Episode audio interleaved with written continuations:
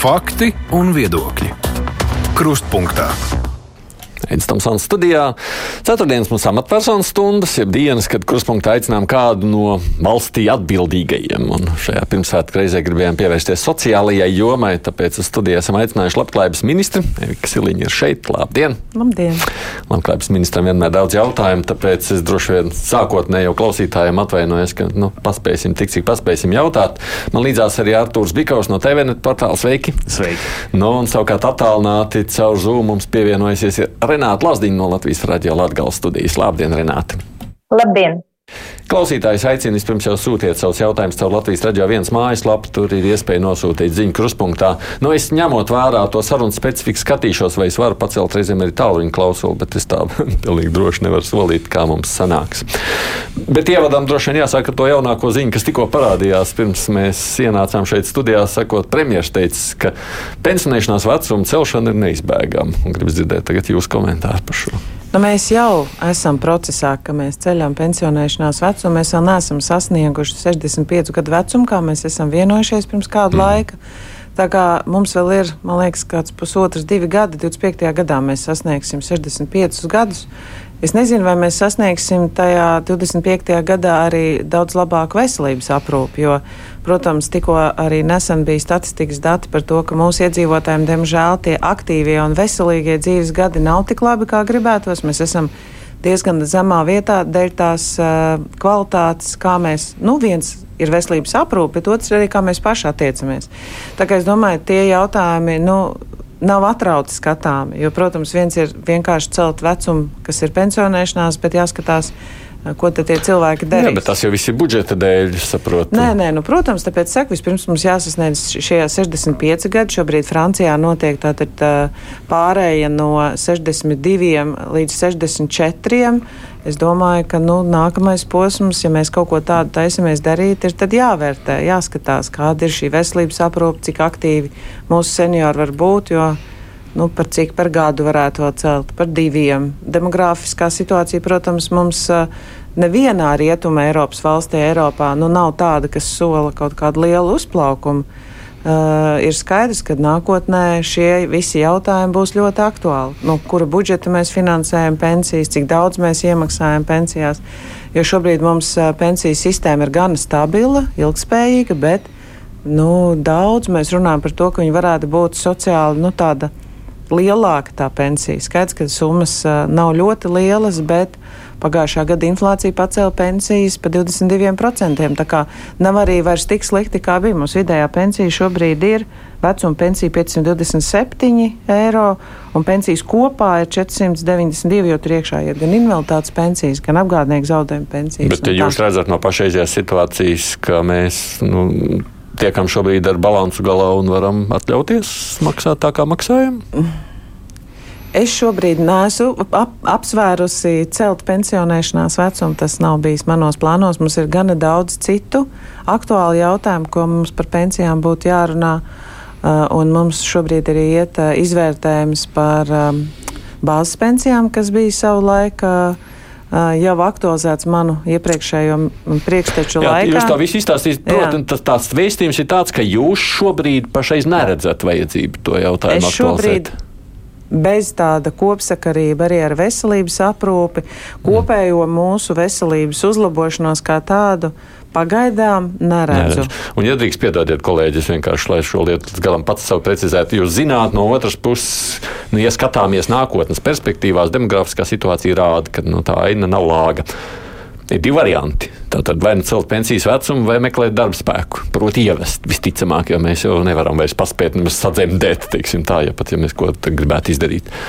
Kurš tiem šķiet pareizāks? Es domāju, ka bez darba spēka mums, mēs nesagaidīsim pensijas vecuma celšanos. Mēs būsim spiesti domāt par papildus darba spēku, mm -hmm. jo mhm. mums viņš pietrūkst jau šodien, vakar, daudzās jomās, un tā ir vienkārši lieta, par kuru nevar nerunāt. Mēs nevaram par to nedomāt, nerunāt. Mēs esam šobrīd ļoti priecīgi un gandrīti, ka mums ir pievienojušies uh, cilvēki no Ukrainas, bet nu, skaidrs pārstrādātās ir sievietes ar maziem bērniem un arī seniori, bet nu, daļu darba vietu viņa aizpilda un arī demogrāfija daļēji viņu uzlabot. Tā kā tas labi parāda, ka mēs spējam integrēt, ja mēs gribam, cilvēks spēj strādāt uh, un labi strādāt. Nevienmēr mums jādomā par cilvēkiem, kas iebrauc kā darba spēks, ka tas ir kaut kas, kā mēs esam atcerējušies 33 gadus, pareizāk sakot, tad tas beidzās, bet nu padomu laikā.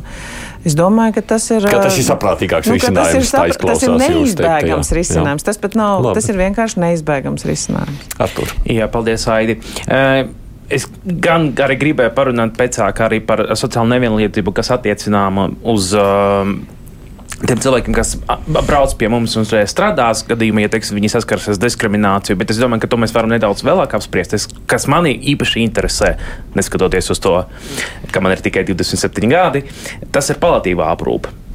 Un, attiecīgi, to, ko Labklājības ministrija grasās darīt šajā virzienā. Jo paliatīvā aprūpe Latvijā maigi izsakoties, ne visai labākajā stāvoklī. Kādas ir tas prioritātes un galvenie lēmumi, ko jūs gribat kā ministre pieņemt, lai ši, šo situāciju uzlabotu? Tas ir uh, tāds sarežģīts jautājums, jo ko mēs saprotam ar paliatīvu aprūpi? Mēs par to neesam līdz galam uh, izrunājuši. Mēs katrs runājot vārdu paliatīva aprūpe, saprotam kaut ko citu. Man arī jāatzīst, man nesot labklājības, nesot labklājības ministra amatā, kad sāk runāt par hospice aprūpi, atzīšu, es tādu vārdu vispār nezināju. Nu, tas nav ikdienā lietojams vārds. Paliatīva aprūpe visiem mums vairāk asociējās ar vēža slimnieku ārstēšanu. Šobrīd Latvijā mēs arī uh, ārstējam uh, bērnus pārsvarā uh, un uztveram uztveram, ka paliatīvā aprūpe tādā ilgākā termiņā ir bērniem, bet uh, tās, tās uh, tendences ir dažādas. Labklājības ministrija šobrīd, ko mēs esam vienojušies ar veselības ministriju, rūpējas par to pašu beigu stadiju, kas ir hospice aprūpe. Tad, tad mēs tajā visā konceptā, kas varētu būt integrēts risinājums kopā ar veselības ministriju, kad viņi skaidrs, viņi veic ārstēšanu, tad cilvēkam ir tā fāze, kad paliek sliktāk, tad jau to sauc par paliatīvu aprūpi, bet tā arī vēl notiek ārstēšanas tādā uzraudzībā, un mēs ieslēdzamies tad, kad ir jau hospice aprūpe, kad ir skaidrs, tas varētu būt uh, ārstu koncīlijas slēdziens, ka šādam cilvēkam, diemžēl, vairāk par sešiem mēnešiem, nu, ārsti nedod cerību dzīvot, diemžēl. Un tad Labklājības ministrija tur pieslēdzās ar savu pakalpojumu, kas varētu būt tātad kopīgi veidots ar Nacionālo veselības dienestu, kas iepirku tādu kopēju uh, pakalpojumu. Mēs iedot savus kristērijus, mēs pie tā šobrīd arī strādājam, veselības savus un būtu gan mobilās brigādes, gan noteikti vairāk pakalpojumu sniedzēju, jo jūs zinat, ka Labklājībai nav savu institūciju tādu, kas sniedz šādas pakalpojumus, bet mēs sadarbojamies ar nevalstisko sektoru. Iepriekš tas bija Hospice LV, šobrīd tā mums ir Samariešu apvienība, bet lai noklātu visu Latviju, jo mums bija pilota eh, projektā tātad tikai Rīga, un tagad ir Rīga un Latgala, mums vajag daudz vairāk šo pakalpojumu sniedzēju. Un šādi pakalpojumu sniedzēji ir, mums būs kopā ar, ar, ar, ar Rūra daļai arī sniedz tātad Dienvidu kurzemē šādu pakalpojumu, nu tad, tad kopīgi mēs arī iesim ar šādu izklājumu. Man žēl, ka mēs vispirms iesim ar šādu integrētu pakalpojumu hospicā, kas ir labi, ja mēs to izdarīsim. Man gribētos, lai mēs vispirms parūpējamies tādā integrētā pieejā par bērniem. Un bērni noteikti ir tā lieta uh, un jautājums, kur mums ir arī jādomā integrēti. Un tur ir vēl vairāk spēlētāju, kas ir pie viena galda nosēdināmi, kas ir gan bāriņties, gan sociālajie dienesti, gan sākot ar ģimenes ārstiem, skolu pedagogiem, sociālajiem darbiniekiem, mūsu bērnu tiesība aizsardzības inspekcija, arī policija, tiesa un prokurori, ja ir smagā gadījuma, lai mēs nevis katrs atsevišķi šavā jomā risinātu, bet lai mēs redzētu kompleksi šos jautājumus un strādātu kā komandā. Man šodien bija tikšanās arī ar Bāriņu tiesu asociāciju. Nu, mums šajā jomā arī ir daudz ko darīt. Un, protams, arī bērni var būt palietīvā un hospisa aprūpē, un tad tur stātos spēkā tieši tāda paša nosacījuma. Tas, kas ir tas grūtais jautājums, ir palietīvie slimnieki, kur var dzīvot ilgi. Viņiem nav šis ārsta koncīlija bija uh, lēmums, viņus arī sauc nu, par palietīviem slimniekiem. Un es neesmu eksperts, tāpēc mūsu eksperts strādā arī pie likuma, lai sadefinētu, lai mums būtu skaidrs, ko Eiropā vai Latvijā kon konkrēti uzskata par palietīvo slimnieku, ko uzskata par hospice jau aprūp, aprūpējam esošu slimnieku. Un, uh, tas, ko mēs vēlējāmies, mēs vēlējāmies sniegt atbalstu arī uh, tādiem palietīvā aprūpē esošiem cilvēkiem, nu, kur dzīvo ilgi, un pieņemsim, viņiem nav šis ārstu koncīlija lēmums, bet arī tur ģimenei bieži vien ir vajadzīgs atbalsts. Mums bija paredzēts tam Eiropas, ir paredzēts tam Eiropas finansējums, bet tur mēs skatīsimies, vai mēs ejam integrēt ar veselību kopā, vai vispirms mēs tad atrisināsim šo hospice daļu, un tad arī to jautājumu pieslēgsim. Man būs viens papildu jautājums, ja tev nebūs iebildumi. Runājot par, par, par lēmumiem, par labojumiem, tas ir ļoti labi, ka ir plāns šo tīklu paplašināt, tas ir labas ziņās, bet vai tad nebūtu tikpat nozīmīgi un varbūt par prioritāti likt to, lai paaugstinātu atalgojumu tiem cilvēkiem, kas strādā šajā sfērā, šajā nozarē, tīpaši ņemot vērā to, cik cieņpilnīgu un pratīgu darbu dara šie cilvēki kā, kā būs ar algām. Jo līdz šim man liekas, ka sociāla darbinieki un tā ir tie, kas strādā hospice, nu, cieši visvairāk no mazākajām algām. Nu, mēs šogad palielinājām labklājības nozarē esošiem darbiniekiem, arī valsts aprūpas centros strādājošajiem atalgojumu, un arī tiem, kas strādā, cilvēki, kas ir asistenti, cilvēkiem ar fiziskā, kur ir vajadzīga šī palīdzība mobilitātei, kas saucās asistentu pakalpojumu. Visiem šiem pakalpojumiem mēs esam finansējumu atraduši, bet mēs nevaram iedot finansējumu pašvaldībām. Mhm. Pašvaldībām pašām ir jārūpējas par sociālajiem darbiniekiem, tāpat kā veselības aprūpē par saviem. Te tā tad arī veidojās, nu tā, kā lai pasaka, tā barjera, jo, ja mēs ejam šajā integrētajā pakalpojumā, tad mēs varam vienoties arī par pakalpojumu summu, un tās nav tādas algas, kā tas ir, ja, nu, ja darbinieks strādā valsts vai pašvaldības iestādē. Tad mums ir konkrēta pakalpojumu summa, tur tiek noteikts arī apmēram šīs algas. Un tad arī viņas ir vienādas gan veselībā, gan labklājībā. To mēs varam izdarīt. Bet nevar, es nevaru šobrīd nekādā veidā sasniegt nu, pašvaldības, jo pašvaldībām, protams, ir sociālie dienesti. Tas, ko mēs varam darīt, mēs varam aicināt protams, pašvaldībām izvērtēt, palielināt atalgojumu. Es to vienmēr arī daru, jo, manuprāt, ir pagājis tas laiks, kad pašvaldībā cilvēki izvēlējās dzīvot vai nedzīvot, vai domāja, vai tur braukt ar ģimeni, apmesties. Nevienmēr tikai vai tur ir skola un kultūras nams. Šobrīd, manuprāt, arī šī dzīves kvalitāte pakalpojumi, kas ir sociālā sfēra arī šādi hospice pakalpojumi, nu, ir daļa no tā, vai cilvēks izvēlas, cik pašvaldība man ir pretim nākoša. Un būs pašvaldībai jādomā arī par šo sociālo sfēru. Renāta. Jā, paldies. Es gribētu pievērsties nedaudz, varbūt attējot atpakaļ pie šī te hospisa pakalpojumu nodrošināšanas labklājības ministrijas budžetā 0,4 miljoni paredzēti šeit, ko jūs arī pieminējāt, Rīgas pierības, Rīgas pierīgas un Latgales, tā kā šī te hospisa aprūpes nodrošināšanai šogad. Mm, tā kā es pārstāvu Latviju, man tiešām interesētu arī šī pakalpojuma pieejamība Latvijā un, un, un kas tad to varētu īstenot, jo jau, nu, jau ir pagājuši jau ceturtais mēnesis, iet gadam un tā. Cik tālu ir ar to, jo Rīga, Latvija ir atsevišķi izcelta? Un otrs jautājums. Jūs tikko arī minējāt, un arī iepriekš esat izteikusies par to, ka uh, Nu, tieši par tiem eh, sociālajiem darbiniekiem, par, par, par to, ka eh, nu, jūs apzināties arī to, ka viņu ļoti, ļoti trūkst. Mums konkrēti, piemēram, Reizeknas novadā sociālajā dienestā nu, cilvēkus nevar atrast. Mēs esam runājuši par šo jautājumu.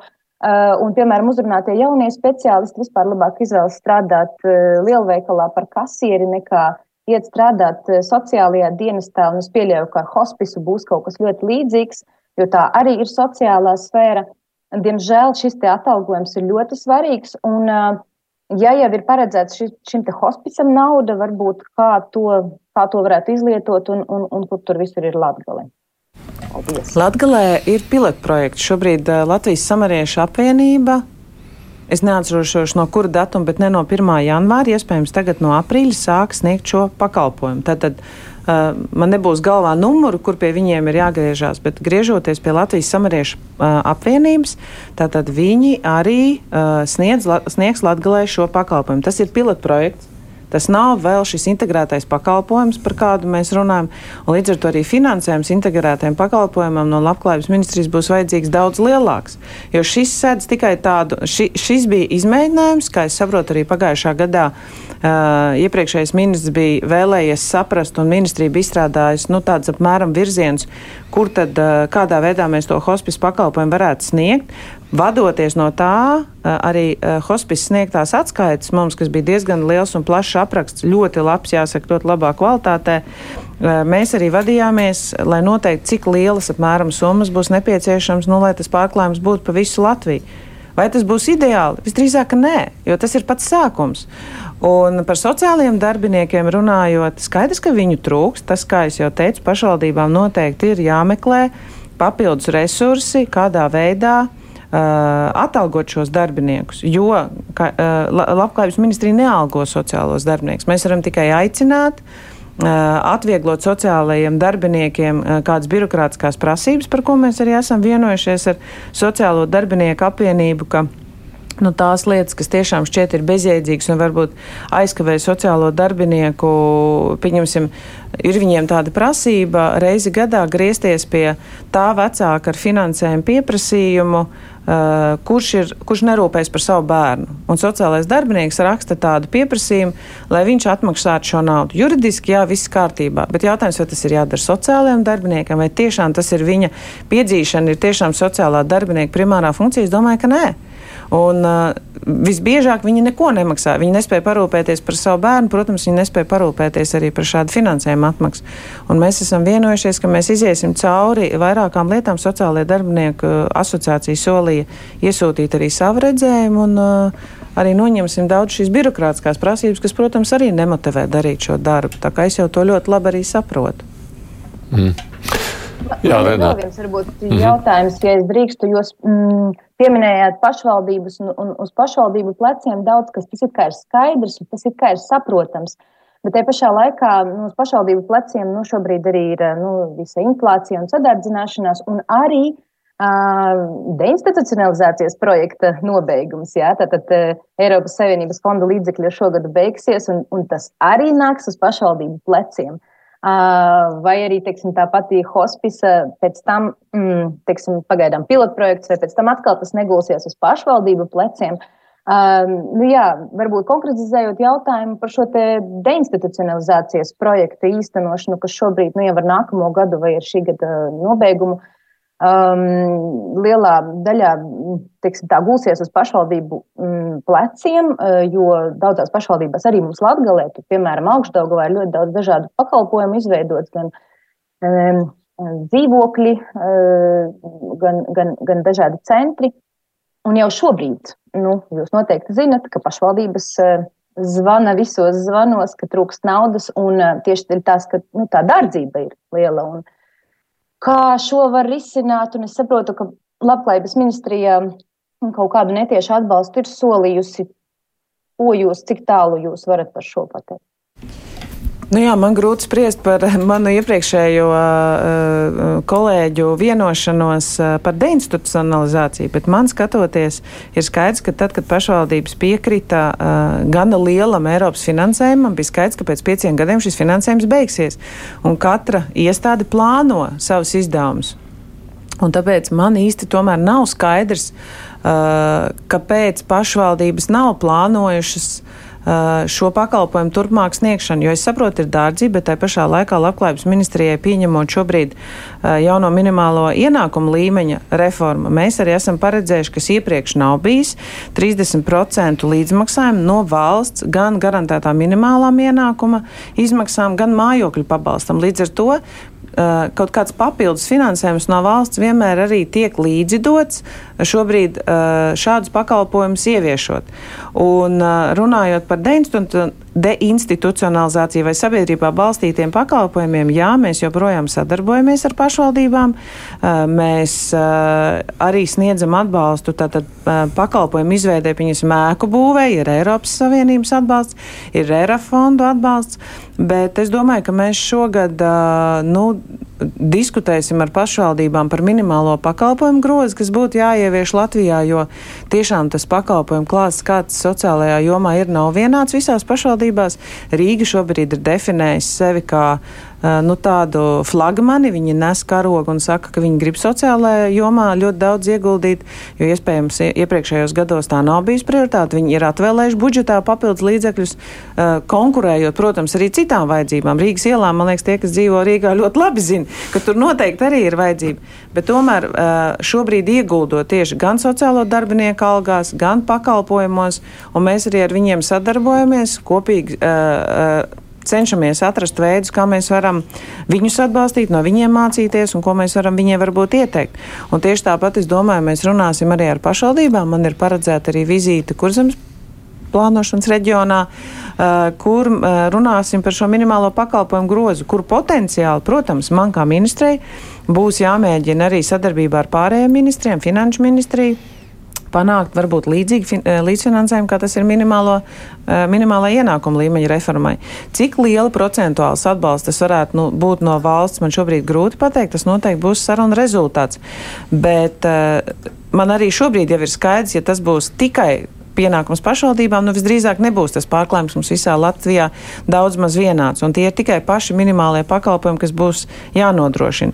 Iespējams, ir viņi vēl jāpārskata, varbūt viņi var būt vēl mazāk, jo skaidrs, ka Latvija nav tik liela, un es zinu, ka Latgales reģionā ir problēmas arī ar uh, iedzīvotāju maksāt spēju, bet šobrīd mums šīs problēmas rodās nu, daudz kur Latvijā. Tā kā mums jādomā kompleksi, un tāpēc nu, šī saruna noteikti turpināsies. Tas daļai būs arī tāds kā atbildi jums šis minimālais pakalpojumu gross varētu būt arī daļai atbildu šo deinstitucionalizācijas pakalpojumu klāstu izbeigšanos. Bet pašvaldībām arī jāizvērtē, kas viņām patika, kas ļoti iedzīvotājiem varbūt derēja un kas varbūt ir tie pakalpojumi, ko tomēr neturpināt. Tā kā, nu, tas ir arī tāds, tāds darbs par uh, izvērtēšanu.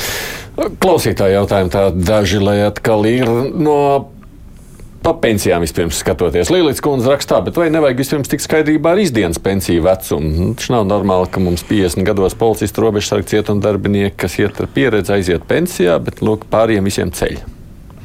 Jā, ļoti labs jautājums. Neatceros kundzes vārdu. Lilita. Jā, Lilītas kundzei ļoti labs jautājums, jo Eh, mums patiešām ir bijuši vairāk pētījumi, ka mums izdienas pensiju uh, saņēmēja lokus pirmkārt ir gan liels, tas arī vēsturiski radies no tā, ka ir bijušas mazas algas un tā daļai ir kompensēts nu, tā mazā alga, bet šobrīd, acīm redzot, ir pienācis brīdis, kad par to ir jārunā. Uh, pārsvaru koordinācijas centrs uh, gan ilgi ir strādājis pie uh, nu, tādas jauna redzējuma šajā izdienas pensiju jautājumā. Man nav vēl bijis iespēja ar viņiem izrunāt, vai viņi ir pabeiguši šo savu darbu, bet tiklīdz viņi būs pabeiguši vai būs kaut kāda skaidrības, domāju, mēs noteikti par to runāsim. Noteikti ne jau uz tiem, kas jau ir aizgājuši izdienas pensiju uh, atver izdienā. Uh, bet noteikti attiecībā uz to tiem, kas ir vēl jauni, vēl nav aizgājuši izdienā, mums ir jādomā. Jo, protams, 40 gados cilvēki vēl var būt gana stipri. Iekšlietu ministrijā savulaik tika uh, pārkvalificēta grāmatveža finansisti vairs neiet izdienas pensijās, tas arī ir ārkārtīgi būtiski. Tādējādi samazinot tiešām, kad izdienas pensijā, ja mēs arī sūtam kādu, tad tie tiešām tie, nu, nezinu, kur ir paaugstināts risks vai uh, potenciāli, nu, tiešām Mm. Tieši tie glābēji, kas iet ugunī un ūdenī. Nu, vairāk jautājumu ir par otro pensiju līmeni, tāpēc es aptā, droši vien vienkārši apvienojot šos jautājumus no klausītājiem, saku, nu, ko jūs domājat par to, redzot, ka viņi nes zaudējumus tagad jau kādu laiku. Cilvēki domā, varbūt, ka ir vērts pārskatīt. Par otro pensiju līmeni, uh, nu jā, tas tiek uzkrāts bankās. Atteikties no viņa mēs nevaram. Jo, eh, kā jau mēs te iepriekš runājām, demografiskā situācija mums ir tāda, ka cilvēki paši gribētu, lai tas otrais pensiju līmenis ir ieskaitīts viņu pensijās. Un, cik es tā saprotu, arī no analītikas un runājot ar Latvijas bankas kolēģiem, mums ir pirmo reizi tāds gadījums, ka tik ļoti ir krities uh, otrais pensiju līmenis. Un tur tādu ideālo risinājumu šobrīd nav, jo es saprotu, kolēģi Igaunijā, kas ļāva varbūt viņu visu izņemt, šobrīd atrodas otrās spīlēs, jo cilvēkiem tā finanses pratība nav tik liela, viņi, viņu zaudē. Un tad atkal cilvēks, ja viņam nav šī summa pietiekoši liela, aiziet pensijā, tad viņš pakrīt zem šī garantētā minimālā ienākuma summas, un tad viņš atkal ir valsts, citā valsts aprūpē. Mm -hmm. Nu, tie jautājumi ir gana kompleksi. Bankām šobrīd arī ir pienākums vairāk informēt klientu. Mēs esam mazliet pamainījuši to konceptu. Fondēto pensiju likumā tas jau pirms manis tika pamainīts. Tā kā nu, cilvēkiem iesaku painteresēties, paskatīties savus pensiju kapitālus, nu, varbūt pamainīt arī šos plānus. Bet nekas bet, cits tāds netiks mainīts. Man tādu, mm -hmm. man tādu skaidru ideju, es nevaru noprognozēt tirgus priekšdomē, to, ja to kāds varētu tad tas būtu ideāli. Bet es arī šobrīd nevaru noprognozēt, ka varbūt izņemot šobrīd, rītdien mums būs lielākas pensijas. Mēs varētu atlikt, dot iespēju pieņemsim cilvēkam kādu daļu atlikt. Šobrīd ir tā sajūta, ka tiešām ir ļoti nu, zema tā summa, ka tev ir jāizņem, tu tā kā izņem tajā zemākajā punktā, procentu punktā. Tas varētu būt, manuprāt, tāds variants, kas bija jau spēkā, mm. un cilvēki tā kā, nu, saka, ka varbūt to varētu arī ieviest. Bet, protams, neviens nenogarantēs, ka varbūt vēl pēc diviem gadiem viņš būs nebūs vēl zemāks. Bet tā varētu būt vismaz izvēles iespēja, ko es noteikti kā ministra apsvērtu. Manuprāt, mēs tādu cilvēkiem varētu dot.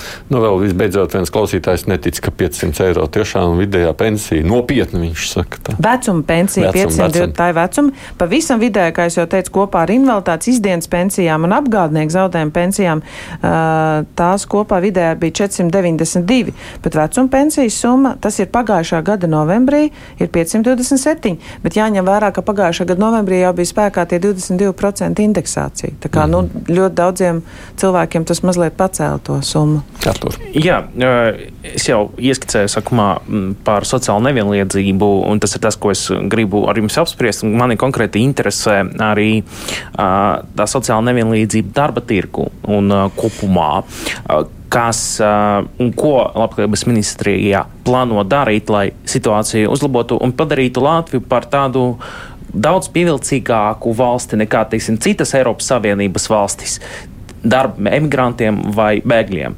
Jo teiksim, ja man ir tāda iespēja izvēlēties, kur strādāt, nu, nosacīti skatoties uz Latviju, man liekas, ka tā, tādas pašas skandināvu valstīs sociāla ziņā piedāvā vairāk, vai, teiksim, tāda pati Vācija vai Francijā.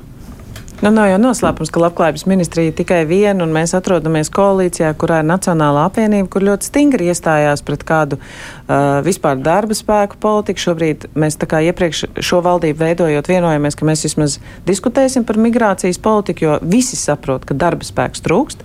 Un, manuprāt, tiešām, kā jau minēju, mums ir labais piemērs ar Ukraiņas civiliedzīvotājiem, kas ir ļoti labi integrējušies darba tirgu. Un mēs arī runājam par dažām profesijām, kas ir tās specifiskās, kas nav tikai augsta, augsta līmeņa, bet arī tādas, kur tiešām nu, mums ir šī jau ilgstoša trūkums. Kādas tas ir? Jums ir zināms? Atslēdznieki, šuvēji kaut kādas specifiskās mm. jomās, nu, tādas arī tādas lietas, kur, kur nu, nav. Vienkārši mēs pat nesagatavojam jau kādu laiku, tā zināšanas nav. Mēs esam ne tik liela valsts, varbūt mēs varam šo darba spēku, un ir brīdis, kad uz laiku viņu vajag, varbūt pēc kaut kāda laika nevajag. Kā mums varbūt vajadzēja tur Covid ekspertu ekspertus, un tagad varbūt skaidrs, ka mēs viņus tur tādās tūkstošos nesagatavosim. Tā kā, manuprāt, tas ir adekvāti, ka mēs par to runājam. Un, Ļoti labi, tieši tā kā jūs sakat, iekļaujās uh, Ukraiņu civiliedzīvotāji, jo mēs viņiem piedāvājam faktiski līdzvērtīgas apstākļus kā Latvijas cilvēkiem. Nav mums liela atšķirība. Protams, viņiem nav tik liela uzkrājuma, varbūt, vai dažādāk šie sociālās iemaksas, tās ir adekvātas darba algai, bet pārsvarā daudzas citas lietas, kā tiesības uz arī uz garantēto minimālo ienākumu pabalstu, tiesības uz skolu, izglītību, arī mājokļu pabalstu, viņiem ir tieši tāds pašs. Tā kā es domāju, mēs attiecībā uz bēgļiem un tie, kas pie mums iebrauc, mums jādomā. Tur kaut kas šajā politikā jāmaina. Bet, Es esmu daudz ar šo strādājis iepriekš iekšlietu ministrijā. Mums ļoti grūti ar šiem jautājumiem ir gājis. Un, un es domāju, ka sabiedrība ir atvērta, varbūt ir bijusi atvērtāka pret Ukraiņas civiliedzīvotājiem. Nu, ne pret visiem mēs arī esam tik atvērti. Tas būs tāds komplekss risinājums, bet es domāju, mums jāiet soli pa solim. Es tādus konkrētus plānus jautājumos par bēgļiem nenosaukšu. Tas arī nav mūsu nu, stāsts, tā ir iekšlietu ministrijas kompetence, bet es noteikti domāju par sievietēm un par to, ka pieņemsim šobrīd uh, dāmas, kas strādā uzņēmuma valdēs, kas pat nav stāsts par tādām varbūt zemāk at atalgotām uh, darba vietām, bet viņas nevar aiziet bērnu kopšanas atvaļinājumā. Un es domāju, ka pēc tā, un tad iznāk tā, ka skaidrs, ka šī iemesla dēļ varbūt daudzas sievietes neizvēlas izvēlēties vispār šādu pozīciju. Līdz ar to tas darbs varbūt nav tik ap, labi apmaksāts. Un mēs parādāmies, ka mums sievietes jāstrādā daudz, bet viņas nav tik labi apmaksātos darbos. Tā, tā ir tāda viena, varbūt ne tik liela nianse, bet, ja sieviete varētu iet šajā bērnu kopšanas atvaļinājumā, tas veicinātu gan vispār mums tādu demogrāfijas situāciju, gan arī šo līdzvērtīgo darbu tirgu. Um, jā, es varu vēl vienu jautājumu, kam jūs, jūs arī minējat. Sēdis, paldies. Man liekas, ka mm, divas, trīs nedēļas pirms tam. Uh, iznāca ziņā par to, ka uh, sievietes Latvijā pelna uz katru eiro, ko pelna vīrietis, pelna 85 eiro centus. Palabojiet mani, ja es uh, kļūdos. Uh, ko Labklājības ministrijā grasās darīt, lai šo situāciju uzlabotu? Vai vispār tāda plāna ir? Es jums minēju, šis viens ir piemērs. Šis viens, jā, jā bet jā. kaut kas vēl? Uh, Mēs arī īpašas uh, digitālās prasmes uh, piedāvājam sievietēm, protams, jo skaidrs, ka šobrīd IT joma ir tā, nu, kur var nopelnīt vairāk. Mm. Un līdz ar to, ja sievietes neizvēlas šādas, varbūt standartizētas saucā, saukdamās uh, vīriešu profesijas, uh, tad arī viņas pelna attiecīgi mazāk. Un, uh, mums ir bijis arī sadarbība nodarbinātības valsts aģentūrai, un šobrīd ekonomikas ministrijā ir sadarbība arī ar uzņēmējiem, kur var šajās digitālajās prasmēs uh, vairāk ieguldīties. Nu, tās ir tās lietas, kādā veidā var uh, caur šādām programmām, ko arī finansē Eiropas Savienība, uh, caur nodarbinātības valsts aģentūru, nu, veicināt arī izpratni un izglītību. Mēs esam kopā trīs ministri šodien arī ministra kabinetā tika pieminēts. Uh, Ilzi Indriksona kā ekonomikas ministre, es no labklājības un uh, Andra Čakša no izglītības.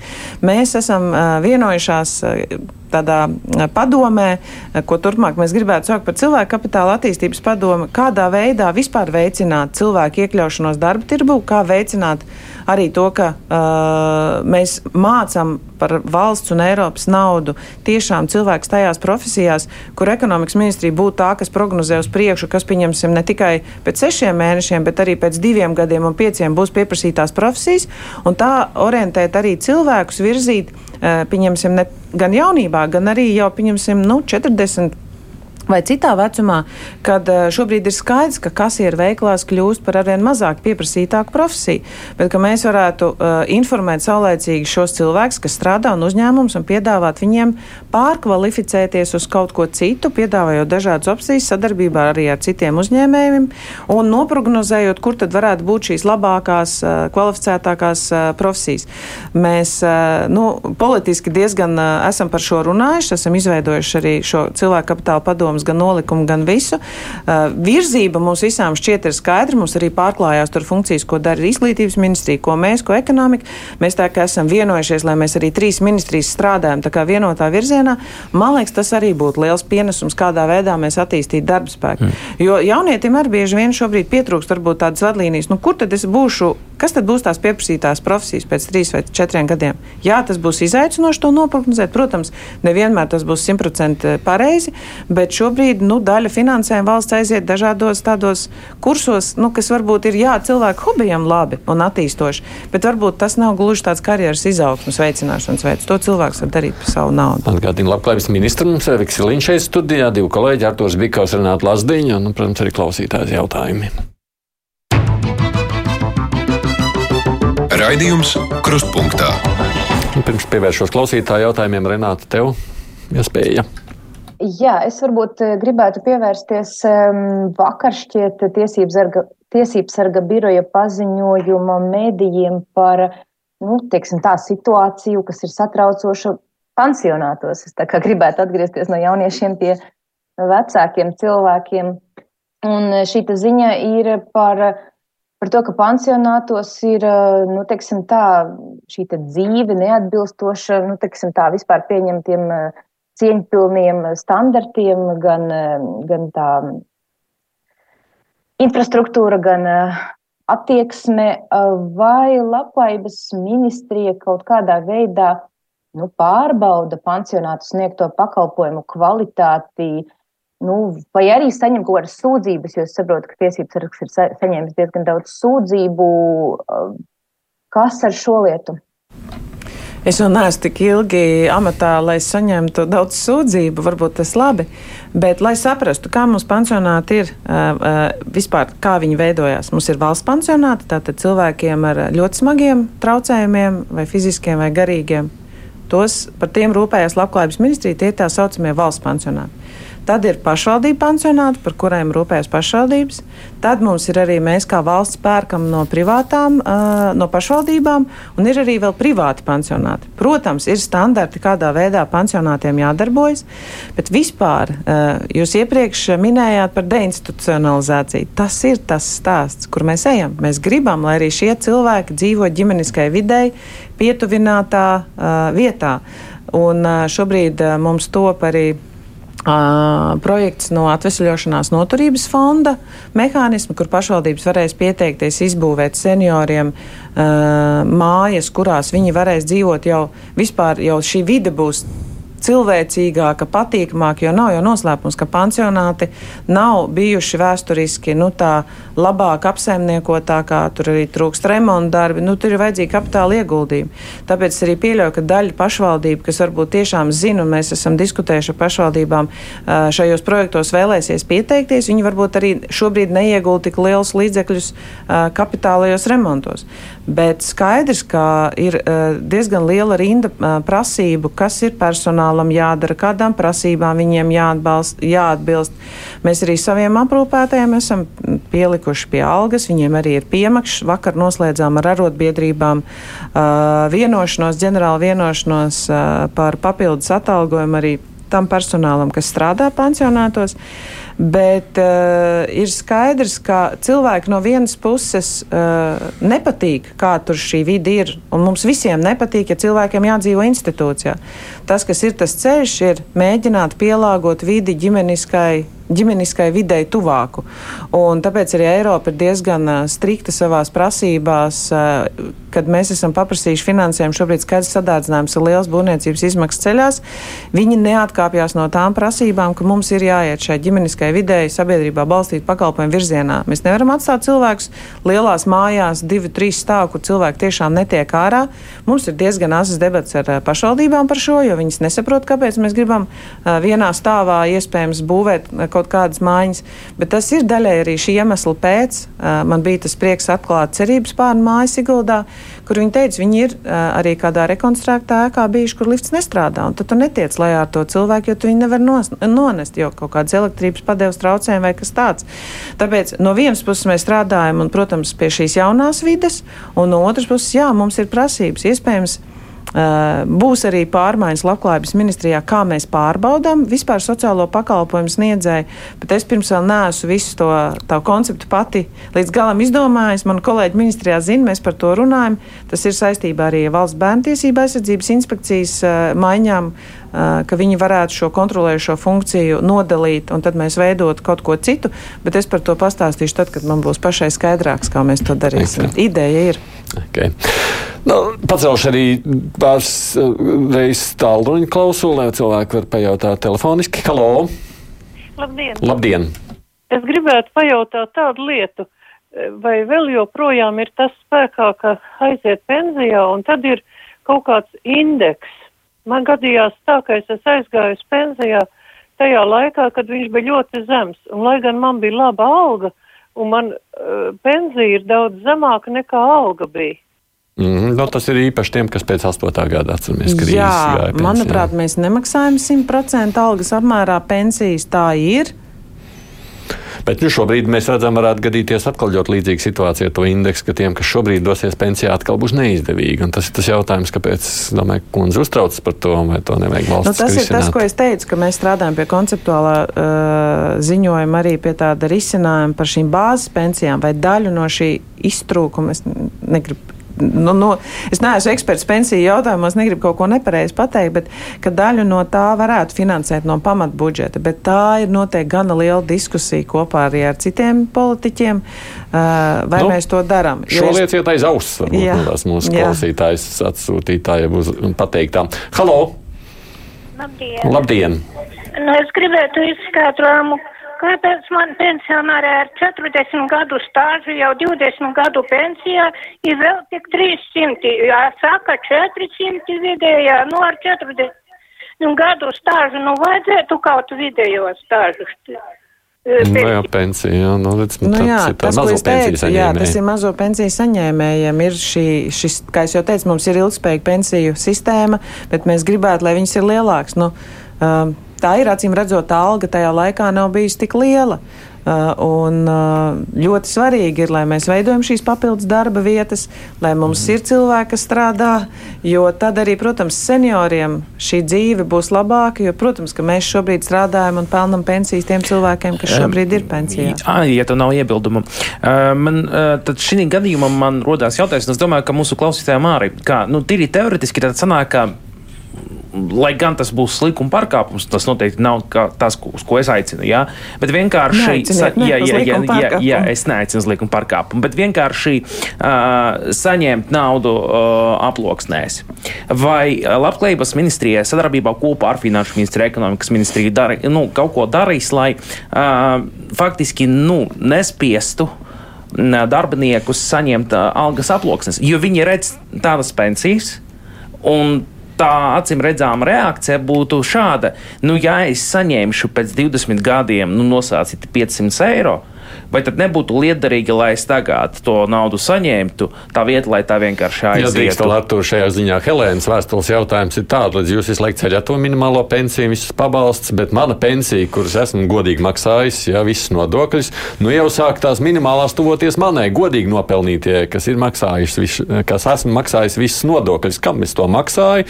Ja nemaksājot, es būtu varējusi saņemt gan īsti to pašu. Jā, par to stāstīt. Jā, to es labi saprotu. Tāpēc arī ir uh, svarīgi domāt, kā jau minēju, par to otru daļu, par to cilvēku pensijām, kas ir strādājuši. Un, uh, Tāpēc arī mums nav šobrīd uh, lielākas šīs minimālās summas minimālajai, pen, pavisam nu, mazajai pensijai, vai tie, kuriem vispār viņi nesauc par pensiju, bet uh, sociālā nodrošinājuma pabalsts, lai arī opozīcija ļoti man kritizēja saimnes sēdē, ka tik mazas tās mazās pensijas, bet šī proporcija ir jāņem vērā. Šobrīd mēs nevaram vēl vairāk pacelt pensijas, kā jau teicu, mums 22% bija inflācija, mēs esam vecuma pensijas gan cēluši summu, un vēl vairāk tātad uh, radīt šo izlīdzināšanos mēs noteikti nevaram atļauties, jo, protams, mēs esam interesēti, lai tie cilvēki, kas ir strādājuši, maksājuši nodokļus, un es negribu teikt, ka te ir cilvēki, kas nav maksājuši nodokļus.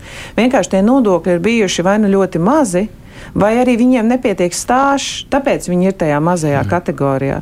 Tāda, vai arī, nu, 90. gados mēs labi atceramies, tur jau dažādi gāja. Šobrīd faktiski cilvēks iet pensijā, vairs nemaz tik mazas pensijas nesaņem. Bet ja? varbūt tad ir kaut kādas alternatīvas vai alternatīvie risinājumi un līdzekļi, kā teiksim, dzīvi padarīt ne, nu, nedaudz letāku pensionāriem. Teiksim, lai tā vieta, lai paaugstinātu pensijas, ko es sakātu, ka nu, dotajā brīdī nav iespējams tādā līmenī, kā vairākiem vēlētos. Varbūt ir kāds alternatīvs risinājums. Nu, pensionāriem šobrīd arī līdz mājām ir atbalsts energoresursu iegādēji. Pensionāriem ir uh, vispār atbalsts, uh, um, viņas um, varēja saņemt tātad par šo ener elektrības enerģiju. Uh, nu, ko es varu teikt? Pacēlies šobrīd ir trīs reizes atbalsts uh, samaksāt rēķinus par mājokli. Es esmu tikusies ar pensionāriem, senioriem. Viņi saka, nē, es neiešu uz pašvaldību, es to neprasīšu, es to nedarīšu. Tas mans principu jautājums. Bet tas ir valsts instruments, kādā mēs, zinot, ka šobrīd tiešām ir varbūt tāds pīķis, nu šobrīd gan varbūt viņš mazliet mazinās, bet bija šis pīķis, kad cenas ir lielas, mēs pacēlām arī limitus, no kuras summas, ja tu samaksā savu, uh, nezinu, telefonu rēķinu, savas zāles, kas tev izrakstītas, un tu nevari samaksāt vairs par mājokli vai siltumu, tev ir tiesības vērsties pašvaldībā, un tā ir tā daļa, ko es teicu, valsts līdzmaksā 30% mājokļu pabalstam. Šobrīd tu vari saņemt mājokļu pabalstu no 327 eiro, ja to nepaliek uz rokas. Tātad tu vari vērsties pašvaldībā, un pašvaldība tev palīdz. Un tie ir instrumenti, kādā mēs varam palīdzēt pensionāriem. Jā, mēs nevaram palīdzēt varbūt uh, regulāri, bet mums ir kompensējumās zāles zāles. Mums ir uh, dažādi atvieglojumi pensionāriem, braukšanas maksas atvieglojumi. Nu, Skaidrs, ka mēs nevaram arī domāt tikai par senioriem, jo mums ir arī ģimenes ar maziem bērniem. Tā kā tas viss ir tādā kopējā, kopējā sistēmā vērtējums, jo kopumā tā mūsu vēlme ir kā jau minēju, man interesē, lai mums būtu šis kvalificētais darba spēks, lai mēs pelnītu kā valsts vairāk, tad, protams, mēs arī varam samaksāt vairāk. Tāpēc arī es esmu, mēs regulāri tiekamies trīs ministrus un domājam, kā mēs tiešām varam panākt, lai arī tie cilvēki, ko mēs redzam, tajā bezdarbnieku skaitā mums ir šobrīd vismazākais bezdarbs vēsturiski pēc, pēc ilgiem laikiem. Bet arī tā mazā daļa, varbūt, kur ir kaut kādas mobilitātes problēmas, vai vienkārši cilvēki ir demotivēti, kā mēs viņus varam ieaicināt tajā darba tirgū. Varbūt kaut kādas nelielas izglītības prasības vajadzīgas, vai varbūt savedot kopā kaut vai ar pašu darba devēju, cilvēks noticēs, jā, man tas darbs tur būs. Jo mums tiešām ir vajadzīgs darba spēks, mums ir vajadzīgi lielāki ienākumi valstī kopumā, mm -hmm. lai arī tās pensijas un vispārējo varētu samaksāt lielāk lielāka. Renāta. Es eh, tieši par vienu no instrumentiem um, gan sabiedrības dzīves kvalitātes uzlabošanai, gan arī pie tiem visiem deinstitucionalizācijas jautājumiem Par sociālo uzņēmēju darbību. Tieši senāk pirms pieciem gadiem spēkā stājās sociālā uzņēmuma likums, un šogad uz 1. aprīli Latvijā darbojas 217 sociālie uzņēmumi. Nu, kāpēc es prasu? Jo Latvijā, protams, ir vismazāk. Vai tur viss ir kārtībā, vai 217 sociālie uzņēmumi tas ir um, piecu gadu ietvarā pietiekošs cipars, un vai tur nevar kaut kā vēl stimulāciju veikt, lai tur kaut kas veidojas, jo tas arī ir viens no instrumentiem, kā gan iesaistīt, gan. Ja. Sociālajiem uzņēmumiem ir gana plašas programmas nodarbinātības valsts aģentūrā, kura ir izvietota visā Latvijas teritorijā. Un Latgals, starp citu, visvairāk arī izmanto šos atbalstus, eh, kas ir saistībā ar bezdarbniekiem un iesaistīšanos uh, um, nu, tādos mazos darbiņos. Tā kā principā uh, es domāju, ka uh, šī ir lieta, kas ir jāpopularizē. Tur ir tādas nelielas nianses. Es saprotu, ka tie sociālie uzņēmumi gribētu kaut kādas, varbūt, uh, tās savas peļņas jautājumus sakārtot. Bet es uh, nebūšu eksperts, man vispār reizē man, man arī jautā, kā tu vari to jomu visu uh, atcerēties uh, vai izstāstīt. Es nezinu, kas domāja, kas būs labklājības ministrijas kompetencē, bet man godīgi sakot, liekas, ka tad, kad dalītos portfeļus un atbildības labklājības ministrijai tiešām ir gana plašs atbildības portfels.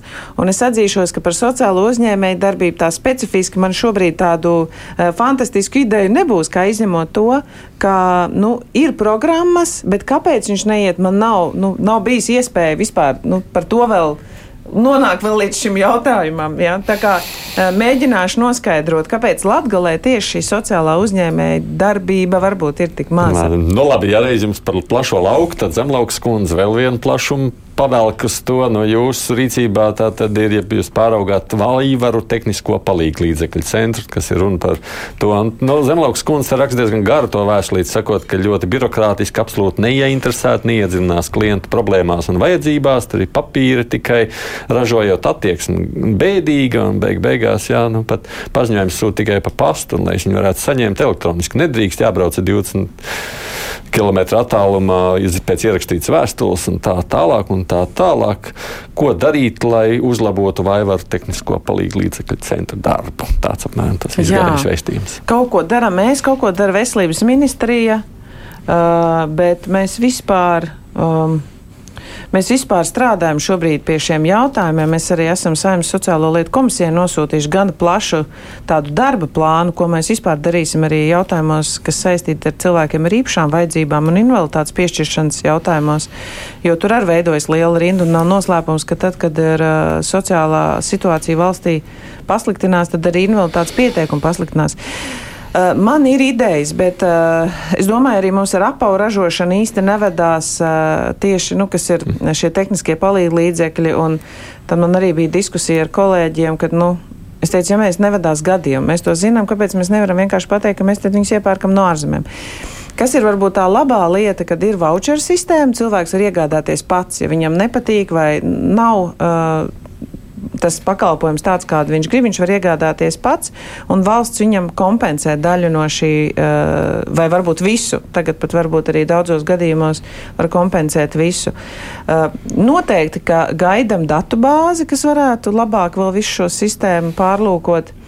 Bet eh, nu, es domāju, ka vienmēr uzlabojumi ir iespējami. Kā jau teicu, mums tur ir vesels operatīvais plāns, jo nu, Es nedomāju, ka mūsu prior, primārais mērķis ir atbalstīt uzņēmējus, kas veido ortopēdiskos apaus, bet atbalstīt tos cilvēkus, kas viņus saņem. Tā kā Domāju, būs izmaiņas. Nu, varbūt, lai nav tikai žēlošanās, Ilga saka, ir jānovērtē arī tas labais, kas mums ir. Mūsu valstī, es saku, tiešām īpaši rūpējas par jaunajām māmiņām. Pusotras gads atvaļinājums, viena gada pabalsts. Es uzskatu, ka tas ir jānovērtē. Citur Eiropā ir četri mēneši bērnam un jau jāatgriežas darbā. Nu, Jā, tāds. tā ir gan. Mūsu kolēģi apskauž par to šodien. Um, vēl viena lieta par sociālo nevienlīdzību, un man liekas, kā arī minēt iepriekš atbildēt, protams, ir cilvēki ar invaliditāti. Uh, un es pieļauju, ka daļ, daļēji un arī likumiski jūs liksiet atbildīgu līdzatbildību uz pašvaldībām, jo viņiem arī jāatbild par to, kāda ir tā vīde. Bet, uh, kā un ko labklājības ministrija plāno darīt turpmākajā, kā tuvākajā nākotnē, lai to vidi un dzīvi kopumā cilvēkiem ar invaliditāti padarītu vieglāku un pieejamāku? Mums ir uh, vispār jauns projekts, viens tāds gan arī uh, šajā at atjaunošanas noturības mehānismu ietvaros, ka mēs pielāgosim, ne mēs, bet faktiski pašvaldība, bet mēs dosim kā, gan naudiņu, gan uh, instruktāru nu, nosacījums, ka cilvēku dzīvokļus varēs pie, pielāgot, mm -hmm. jo ir skaidrs, ka ir cilvēki, kuriem ir grūti pašiem savās dzīvesvietās, bet viņiem nu, viņi nav institūcijās, viņi vienkārši dzīvo. Un otrs, protams, ir uh, sabiedriskos ēkas, kur arī ir finansējums paredzēts, lai izmainītu, pielāgotu un sadarbojamies. Mums ir arī cilvēki, kas par šo atbild pati. Viņi ir pasaules čempioni Kerlingā, viņi zina, kāda šī vidē ir jābūt. Tā kā viņi strādā pie mums labklājības ministrijā. Viņi viņi ir cilvēks ar eh, invaliditāti, un uh, viņi arī palīdz izstrādāt dažādām mājām šos nosacījumus. Un, uh, nu, strādājam, bet es domāju, ka tas ir, nu, tam ir vajadzīgs laiks. Pieņemsim, mēs tikāmies ar nesaukšu kuru organizāciju, kura teica, ka savukārt cilvēks atbrauc no Ukrainas ar invaliditāti. Viņš šeit jūtās ļoti. Pieeja, uzskata, ka te ir ļoti pieejama vide, salīdzinot ar to, kā varbūt ir viņiem. Tā kā Nu, mums jānovērtē, ka mēs esam pagājuši diezgan daudz solis priekš, bet gribās jau vēl vairāk. Un, nu, ir, jā, ir daudzi šādi projekti, kas mums jau ir, kur būs noteikti uzlabojumi. Un, kaut kā jāizglīto varbūt arī arhitekti, lai, lai viņi saprastu, ka nu, tiešām nu, to praktisko daļu, jo bieži vien rodās prasības jau ir bet uh, tieši tajā praktiskajā izpildījumā rodās problēmas. Jā, un runa par praktisko izpildījumu. Teiksim, pat jā, jauna iela, teiksim, ir atjaunots sēgums un kas nu vēl cits, um, nu, standārti ik pa laikam neatbilst. Uh, un, uh, kā kontrolēt to, lai tas tiktu panākts. Ziniet, kā reizēm gribas teikt, pēc stūbuma jau neviens likums nepalīdzēs. Nu, tas arī reizēm ir gadījums, bet eh, mums ir invaliditātes lietu padoma. Mēs tieši šo mobilitātes un daudzo vidas piemības jautājumu dēļ esam, tur mums ir arī ekonomikas ministrija, bet mēs īpaši uzaicinājām satiksmes ministriju. Uh mhm. -huh. Jo tieši ir daudzas tādas situācijas, kur šķiet, ka satiksmes ministrijas kolēģiem arī vajadzētu lielāku izpratni, dzirdēt, redzēt, ko saka mūsu cilvēki ar invaliditāti, jo mēs parasti iedomājamies tieši to fizisko kustību traucējumu traucē, bet, bieži, bet mums ir daudz arī redzes un dzirdes invaliditātes cilvēki. Tā kā mēs viņus arī esam uzaicinājuši, es ceru, ka viņi mums pievienosies un nu, kaut kā arī, lai viņi sajustu to garšu un smaržu, kā tas ir, ka cilvēki ar invaliditāti stāsta tieši kādas ir tās problēmas. Tad mm -hmm. es mhm. domāju, arī kopā komandā strādājot, ir vieglāk arī nomainīt. Bet, kā jau teicu, ir gadījumi, kad tur. Mm -hmm. Tur neviens noteikums nepalīdz. Vairāk nepaspēsim uzdot jautājumus, jo laiks jau faktiski mums ir beidzies. Drīkst es nobeigšu ar vienu ļoti savdabīgu komplimentu izteikšanu no vienas klausītājas. Nu, tā Silvijas kundze ir uzrakstījusi. Esmu patīkami pārsteigta par ministras profesionālu un zinošu pieeju. Iepriekš domāju par Siliņas kundzi kā infantīlu meitenīti, kas politiski nejauši iekļūst ministra samatā, bet izrādās, lai veicas ministrei. Lūk, tāds arī mums ir kādi klausītāji vērtējumi jūs teiktajam.